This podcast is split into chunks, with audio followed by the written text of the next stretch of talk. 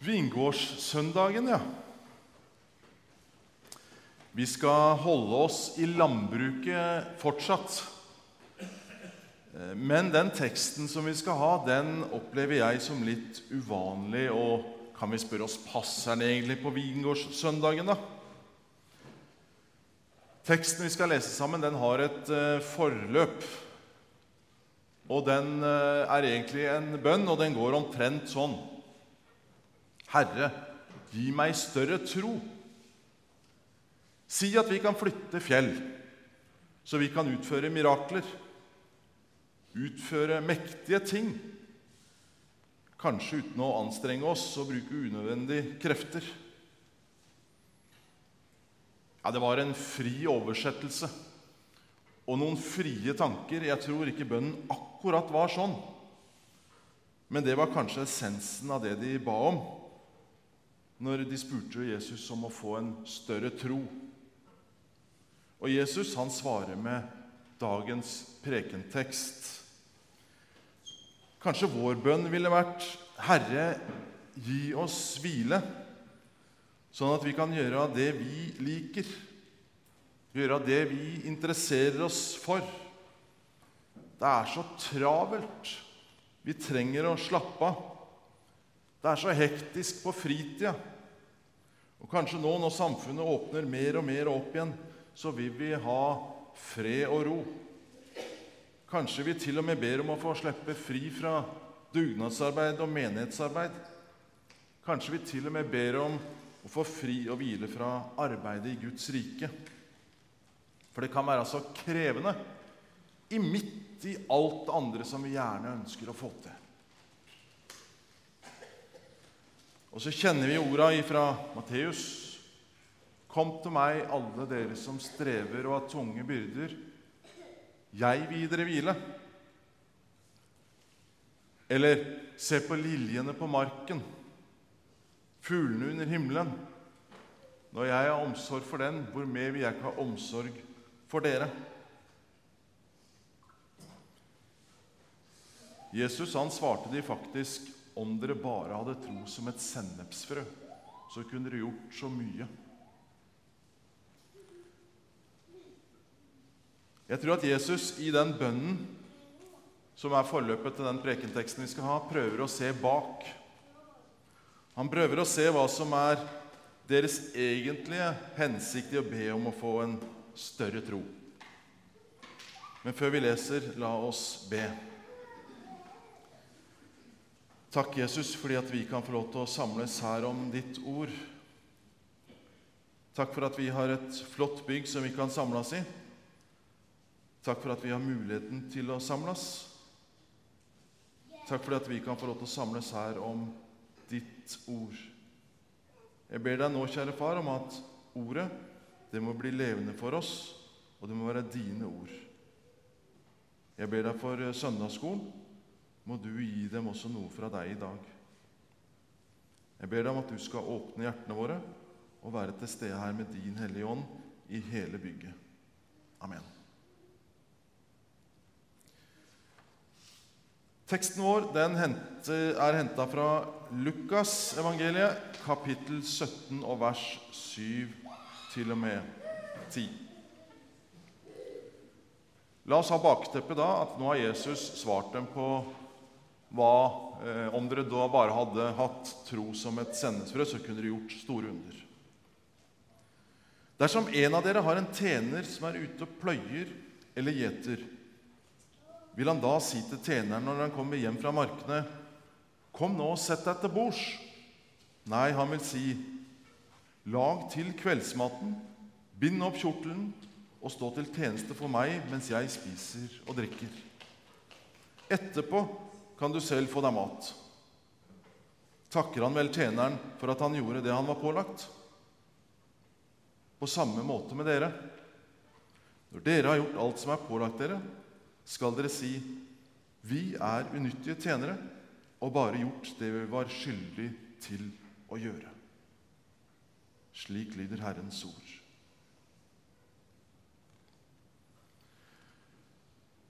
Dagens tekst forteller oss altså om en som driver en gård. Og han er avhengig av en tjener for å eh, gjøre det som skal gjøres. Det står 'tjener' i den utgaven av Bibelen jeg har. I andre utgaver så står det 'trell'. Det står 'slave', som det er oversatt med.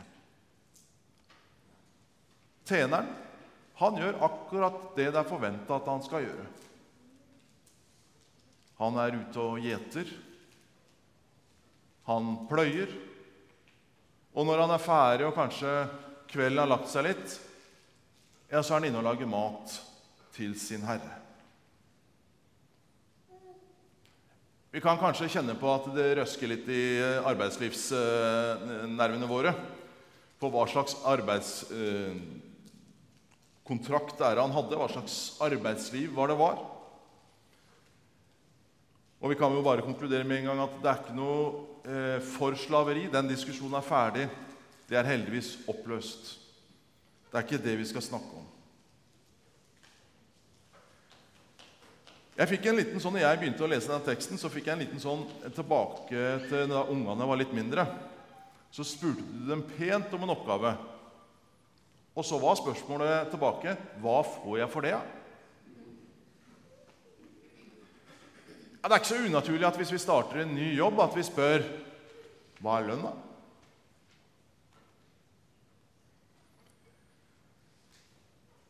Hvorfor skal jeg gjøre det? Og hva er lønna? Det er ofte det vi kommer med. Og Noen ganger så blei svaret hjemme hos oss, og kanskje også noen av dere opplevde at jeg tror ikke jeg gidder. Jeg orker ikke. Det er for dårlig betalt. Det er ikke aktuelt. Jeg vil gjøre noe helt annet, og jeg vil gjøre det jeg sjøl vil. Denne tjeneren han gjorde bare det som var oppgaven hans. Arbeidsfordelinga den var veldig klar. Han skulle gjete. Han skulle pløye. Han skulle lage mat til sin herre. Og ingen takk blei det. For han gjorde faktisk bare det som han var pålagt.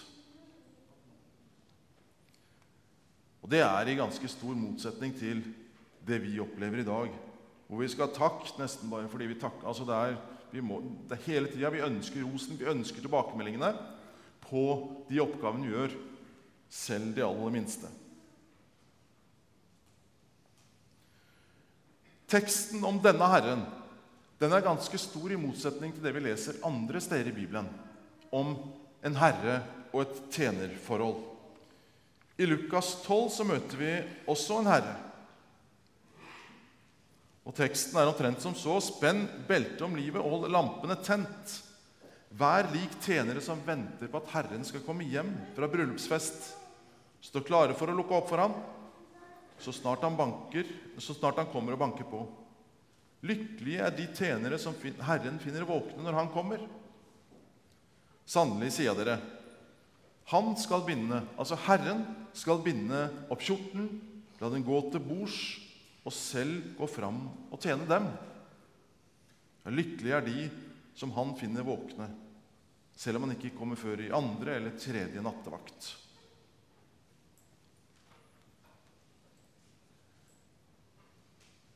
Det er en sånn sterk kontrast mellom det å faktisk bare gjøre det du får beskjed om, til i Lukas 12, hvor det er Herren som tjener sine tjenere. Og Så tenkte jeg når jeg holdt på å lese denne teksten fra Lukas 17 Er det ikke en evangelietekst, da? Evangeliet betyr jo det glade budskap. Det må være noe her som jeg liksom kjenner på at er noe jeg kan dele med menigheten som er til glede og oppmuntring.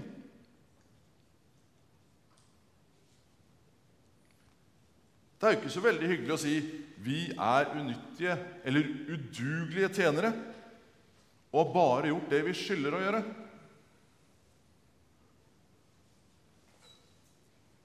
Eller er det ganske godt å høre det? Jeg har kommet til at det er ikke så verst å høre det. For det betyr, kjære venner, at Gud er jo faktisk ikke avhengig av deg eller meg. Alt er egentlig helt ferdig. Det er en herre som allerede har sin vingård.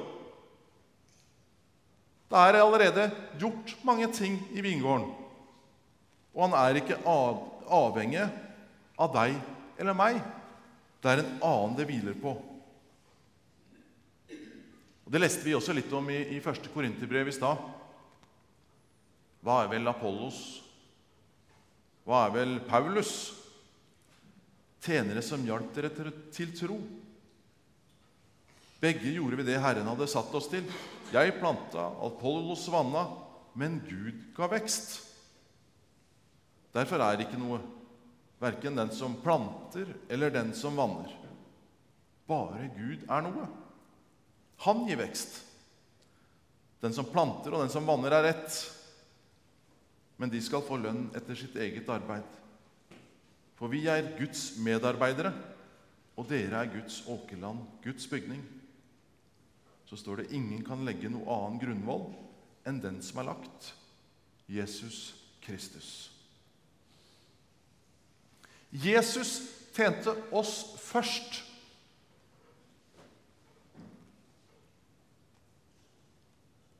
Vi skal plante, vi skal vanne, vi skal gjøre det vi kan. Men det er kun Gud som gir vekst.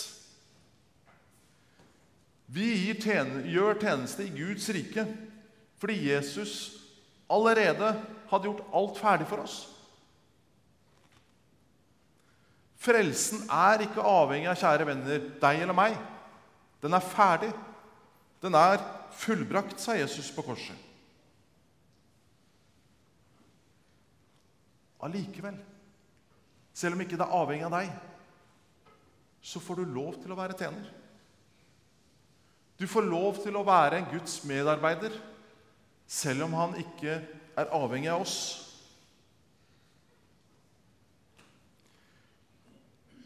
På gudstjenestene hver søndag så ber vi den andre trosartikkel. Vi framsier den, og den lyder Jeg tror på Jesus Kristus, Guds enbårne Sønn, vår Herre, som ble unnfanget ved Den hellige ånd, født av jomfru Maria, pint under Pontus Pilatus, korsfestet, død og begravet, for ned til dødsriket, sto opp fra de døde tredje dag, for opp til himmelen, sitter ved Guds, den allmektige Faders høyre hånd, skal derfra komme igjen for å dømme levende og døde. Ja, Det sier vi hver gudstjeneste. Og så har jeg henta fram Luthers forklaring i Harald Kaasi og Hammers sin oversettelse. Den passer rett inn i det vi i dag snakker om.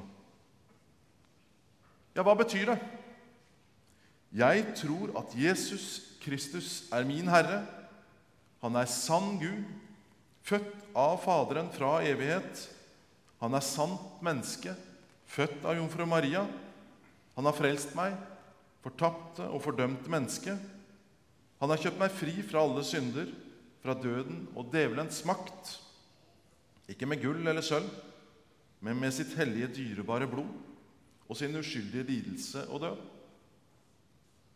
Dette har han gjort for at jeg skal være hans egen og leve under ham i hans rike og tjene ham i evig rettferdighet, uskyld og glede, slik som han er stått opp fra de døde og lever og regjerer i evighet. Dette er helt sant. Dette har han gjort for at jeg skal tjene.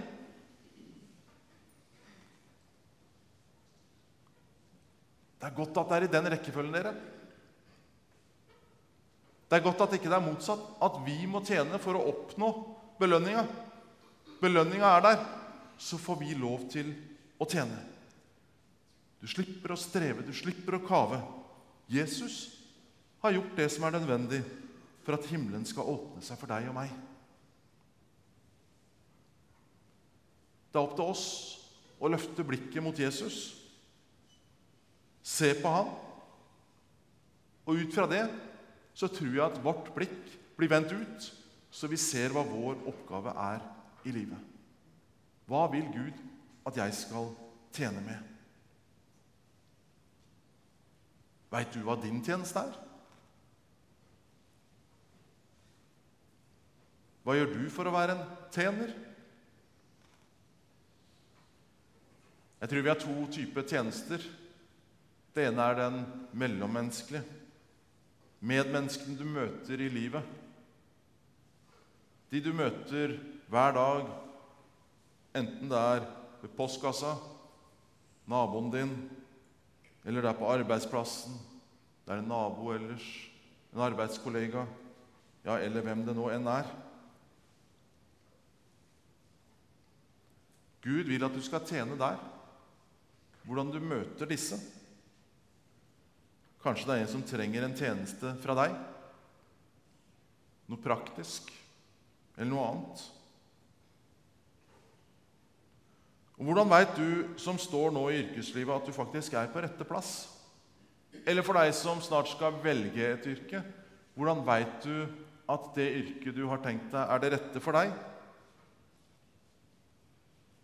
Eller den skolen du har tenkt å søke på etter hvert, at det er den rette? Og jeg tror fortsatt, ved å ha blikket festa på Jesus, så vil han vende blikket mitt ut for å vise meg hvilke muligheter og hvilke vei jeg skal gå.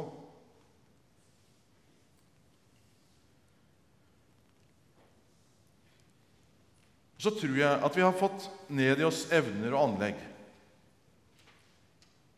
Det syns ikke, men jeg har ti tommeltotter. Hvis jeg skulle hjelpa til med noe av det praktiske ute her, så tror jeg noen hadde kommet, tatt det opp og gjort det en gang til. Så vi har ulike evner, vi har ulike anlegg, og de har Gud satt i oss for at vi skal bruke det. Så om du ikke har bestemt deg for hva du skal bli, eller du kjenner en uro for det du er, der du er, ja, da må du gå til Jesus.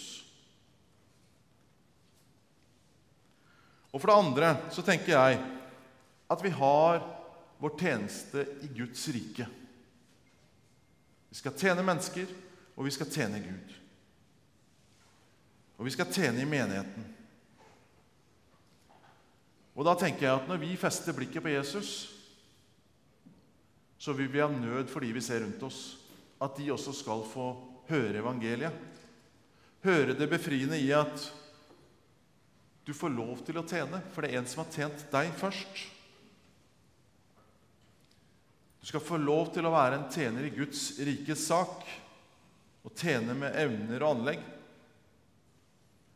Og så skal vi nå i nabolaget, Skien, Grenland, ja, like til jordens ender.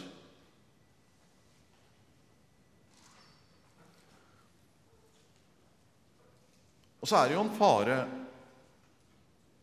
og det har jeg lyst til å oppmuntre oss til. Vi er i starten, vi er et nytt bygg. Det er mange oppgaver vi ønsker å fylle. Og så kan det hende at noen ser dine evner og anlegg og tenker at 'den skal vi ha til det eller det'. Og så kjenner du at ja, men når den sier det, så må jeg jo si ja. Det er umulig å si nei.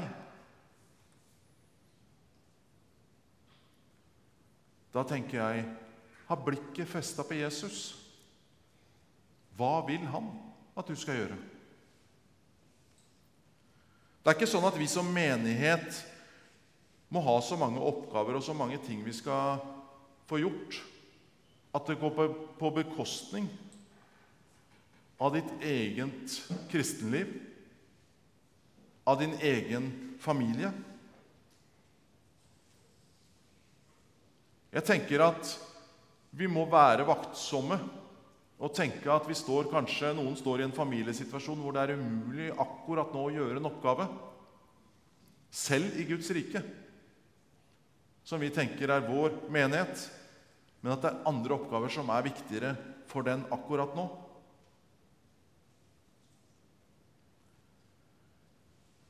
Eller kanskje at all den dugnaden og alt det flotte vi gjør, går på bekostning av Bibel og bønn. Da tenker jeg at da er vi som menighet Da har vi en fare for at det blir det praktiske. At vi har et flott bygg. Vi har mm, et rom vi kan fylle med mye godt. Og så glemmer vi å fylle på det aller viktigste, nemlig fra Gud sjøl. Vi som menighet vi må vokte oss så vi ikke ødelegger verken familier eller andre ting, og at vi går på feil spor. Vi må be om visdom. Vi må be om klokskap. Både til de som sitter i valgkomiteen og eldste og alle, når vi tenker at det ville vært så bra å fått med den i den oppgaven, eller at den kunne gjøre sånn eller sånn. La kirkegangen, som Fredrik begynte med, få lov til å være et sted hvor du kan komme, kan sette deg ned med det du er, og det du har i livet akkurat nå. Og ikke bli forstyrra av alt de oppgavene som du tenker at skulle vært gjort eller burde vært gjort. Ordføreren var så vidt inne på det første på innvielsen. Hun kom til meg etter gudstjenesten. Hun sa litt fra talerstolen nå, men hun sa også til meg etter gudstjenesten Karsten, jeg håper ikke jeg forstyrra de som var forsangere, og de som sto her oppe. Det blei så sterkt for meg. Jeg begynte å grine. Jeg håper ikke det forstyrra. Så tenker jeg ja, men er det ikke derfor vi kommer hit, da? Fordi vi ønsker å bli berørt. Vi ønsker å bare være oss sjøl. For den dagen hadde hun ingen andre oppgaver enn å være seg sjøl og være til stede. Jeg håper du, kjære venn, får lov til å sitte i kirkekrakten i dag og være deg sjøl. Ikke tenke på alt det som skulle vært gjort, eller at du må stramme deg opp for en eller annen, fordi at du skal i hvert fall ikke vise følelser, eller hva det nå er for noe. Men at du kan være her i kirken, og du ber om at dette rommet og dette bygget kan være et sted hvor vi kan komme fram for Gud med den vi er, uten å tenke på hva tenker alle de andre, hva syns alle de andre? Vi har behov for å komme i kirken og bare være Guds barn. Være til stede og kjenne at sangen, fellesskapet Her er det godt å være.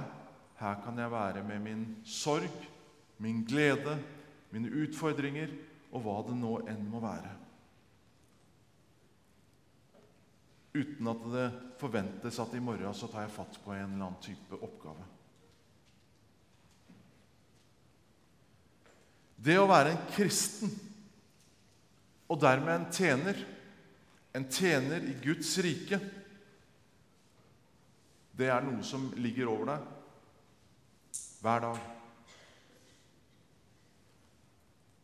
Sangen 'Hverdagskristen vil jeg være', det er det det handler om. Enten det er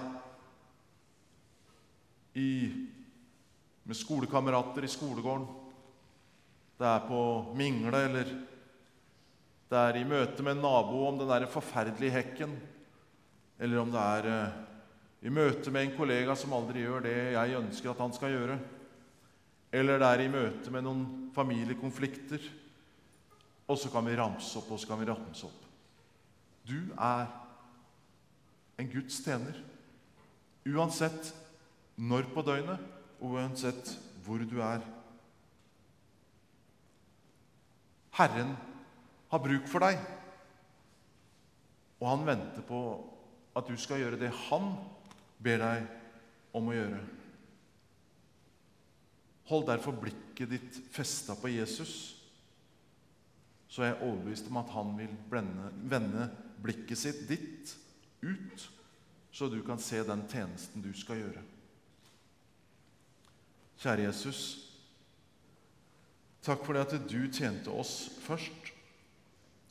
Takk for at du døde og oppsto for meg og for alle her og for hele verden. Jeg ber deg, kjære far, om at eh, vi må feste blikket på deg, sånn at du kan vende blikket vårt utover, sånn at vi ønsker og vil fortelle dette videre til nye. Må du være med oss i ditt eget navn, sånn at vi kan stå i tjenesten for deg Og at vi skal vite hva vi skal svare ja til, og hva vi skal svare nei til, og hva som er fra deg, og hva som er fra mennesker.